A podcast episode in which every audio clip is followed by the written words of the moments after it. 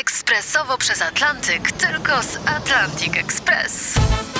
Z nami wyślesz co chcesz, kiedy chcesz, do kogo chcesz i to o 40% taniej. W Atlantic Express wysyłamy wszystko. 1 800 775 7363. Mienie przesiedleńcze, kontenery, paczki do Europy.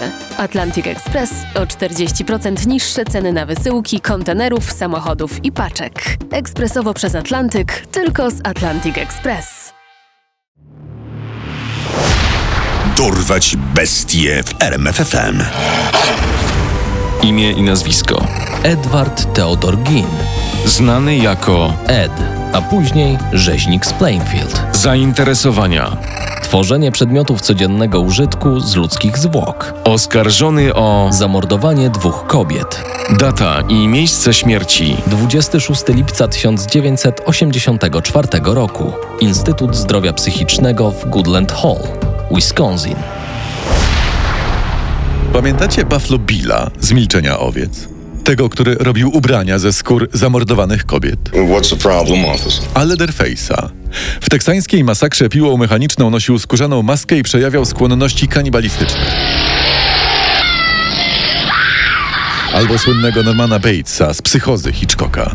Twierdził, że najlepszym przyjacielem chłopca jest jego mama. Tak się składa, że swoją własną matkę zamordował i żył z jej zwłokami 10 lat pod jednym dachem. Well, a, a. Wszyscy ci bohaterowie wzorowani są na jednej postaci Edzie Ginie. Mordercy kanibalu, kolekcjonerze ludzkich kości. Jego historia jest tak samo smutna, co koszmarna i odrażająca. Ale po kolei. Edward Theodore Ginn urodził się 27 sierpnia 1906 roku w La Crosse, w amerykańskim stanie Wisconsin, jako syn George'a i Augusty Ginn. Ma też starszego o 7 lat brata, Henry'ego. Ojciec Eda, alkoholik, nie interesuje się wychowaniem synów. Natomiast matka wprost przeciwnie, interesuje się wręcz nadmiernie. Na każdym kroku kontroluje synów. Jest despotyczna i okrutna. Jako zatwardziała luteranka, wręcz religijna fanatyczka zabrania synom kontaktów z kobietami. Kobiety! Kobiety to zło wcielone! Wstrętne, upadłe istoty! Macie się ich wystrzegać, słyszycie? W 1914 roku rodzina Eda przeprowadza się do Plainfield. Augusta Ginn decyduje, że zamieszkają na samotnej, leżącej daleko od innych domostw farmie. Wszystko po to, by oddzielić synów od grzesznego świata. Ale obaj chłopcy muszą jednak utrzymywać jakiś kontakt z niemoralnym otoczeniem, choćby w szkole, do której obaj uczęszczają. Ed, klasowy dziwak, jest niezbyt lubiany przez dzieci. Za to w przeciwieństwie do starszego, zbuntowanego brata uwielbia swoją matkę. Jest dla niego autorytetem i osobą wręcz świętą. Nie zmienia zdania nawet, gdy Augusta poniża go i wyzywa, co często ma miejsce. Podwiązany przez matkę Ed rzuca szkołę w wieku lat 14 i zaczyna pracę na farmie, by być stale jak najbliżej rodzicielki. Gdy umiera ojciec, George, obaj bracia podejmują się przeróżnych prac w okolicy, by pomóc mamie w utrzymaniu domu. Są uważani za solidnych, rzetelnych pracowników. Ed jest może odrobinę ekscentryczny, ale nigdy nie odmawia nikomu pomocy. Cóż, uważałem, że jest miłym facetem. Był jak każdy. Jedyne co go różniło od innych to to, że wydawał się nieco dziwny. Nietypowa, jednocześnie pełna miłości, jak i nienawiści, relacja Eda z matką niepokoi jego brata. Henry nie szczędzi obojgu uwag na ten temat, co złości jego młodszego brata. 16 maja 1944 roku w pobliżu farmy Ginów podczas wypalania traw zapalają się krzaki. Obaj bracia rzucają się do gaszenia pożaru. Po tym fakcie Ed zgłasza na policję zaginięcie Henry'ego. Nie wiem, jak to się stało. Biegliśmy razem, ale nagle straciłem go z oczu. No, pomóżcie mi go szukać.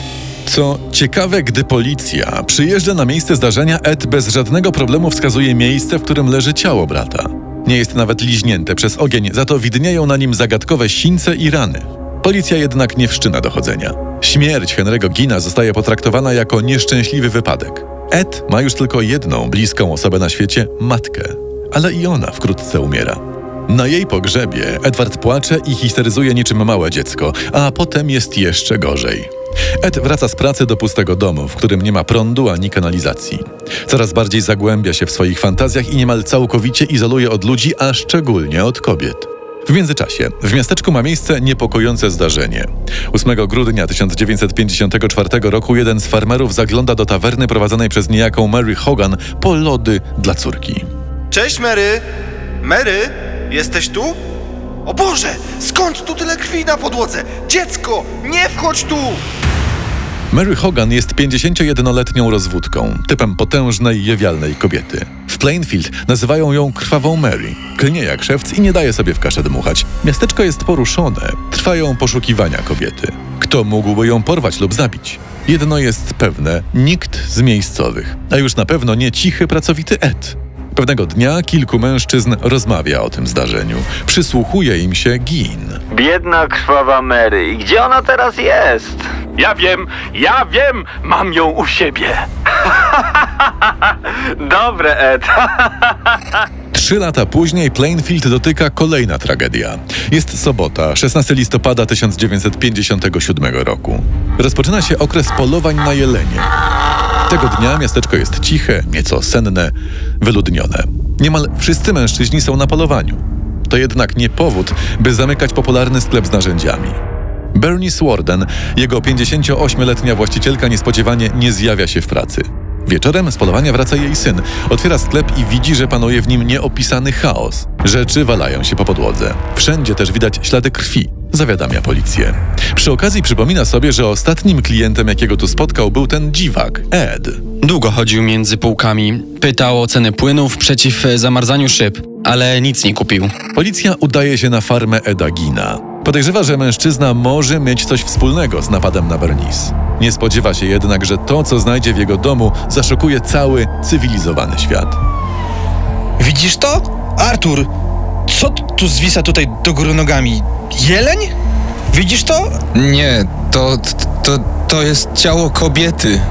Wypatroszone, pozbawione głowy. Chyba zwymiotuje. Znalezione w szopie ciało należy do Berenice Warden, właścicielki sklepu i matki jedynego z funkcjonariuszy. To jednak dopiero początek serii makabrycznych odkryć. Papierowej torbie policjanci znajdują nałożoną na czaszkę, niczym czapkę, twarz Mary Hogan. Ponadto na farmie Eda Gina odnajdują Cztery czaszki wieńczące słupki łóżka, abażury lamp i obicie fotela wykonane z ludzkiej skóry. Kółko do rolety zrobione z kobiecych ust. Miski z ludzkich czaszek. Ludzkie serce w torbie papierowej. Maski ze skóry zdartej z twarzy martwych kobiet wiszące na ścianach. Pas z ludzkich sutków. Strój ze skóry człowieka. Pudełko zawierające spreparowane kobiece narządy płciowe. W mieszkaniu panuje nieopisany bałagan, brud i smród. Jedyny pokój, w którym nie ma makabrycznych znalezisk, zachowany w stanie niemal nienaruszonym, to pokój zmarłej matki Eda. Miejsce, które mężczyzna chronił i które traktował niczym świątynię. Edward Theodore Ginn zostaje aresztowany. Początkowo milczy, nieskory do zeznań. Dopiero gdy policjanci pokazują mu ciało ostatniej ofiary, przełamuje się. Najpierw jednak ma niecodzienną prośbę. Czy mogę dostać kawałek szarlotki i jeszcze plasterek z sera cheddar? Ed przyznaje się do dwóch zabójstw: Bernice Warden i Mary Hogan, choć jest podejrzewany jeszcze o co najmniej kilka innych. Twierdzi, że reszta artefaktów została przez niego zebrana na okolicznych cmentarzach. Okazuje się, że mężczyzna był częstym gościem nekropolii. Śledził porządek pogrzebów, a następnie wykradał świeżo pogrzebane ciała i robił z nich własny użytek, czyli makabryczne trofea. Ed twierdzi też, że zrobiony przez niego strój z kobiecej skóry ma mu przypominać osobę, za którą bardzo tęskni jego matkę. Niewielkie Plainfield przeżywa najazd reporterów, nie tylko z USA, ale i z całego świata. Natomiast sąsiedzi mordercy nadal nie mogą wyjść z szoku. Wszyscy byliśmy tym wstrząśnięci, zdruzgotani, no przerażeni tym, co się stało. To była taka straszna, taka koszmarna rzecz. Ed zostaje poddany badaniom. Lekarze uznają, że jest chory psychicznie, cierpi na schizofrenię i psychopatię seksualną. Zostaje ulokowany w szpitalu psychiatrycznym, gdzie spędza resztę życia. Umiera na skutek niewydolności krążeniowo-oddechowej, która jest spowodowana postępującym nowotworem. Grób słynnego mordercy i psychopaty staje się przedmiotem wielu aktów wandalizmu. W 2000 roku nagrobek został skradziony. Odnalazł się rok później w okolicy Seattle. Obecnie można go obejrzeć w Wautoma w stanie Wisconsin. W pewnym sensie Ed Gein, podobnie jak zmarli, których zwłoki bezcześcił, nie może zaznać spokoju po śmierci. Poznaj sekrety największych zbrodniarzy świata. Dorwać bestie w RMFFM.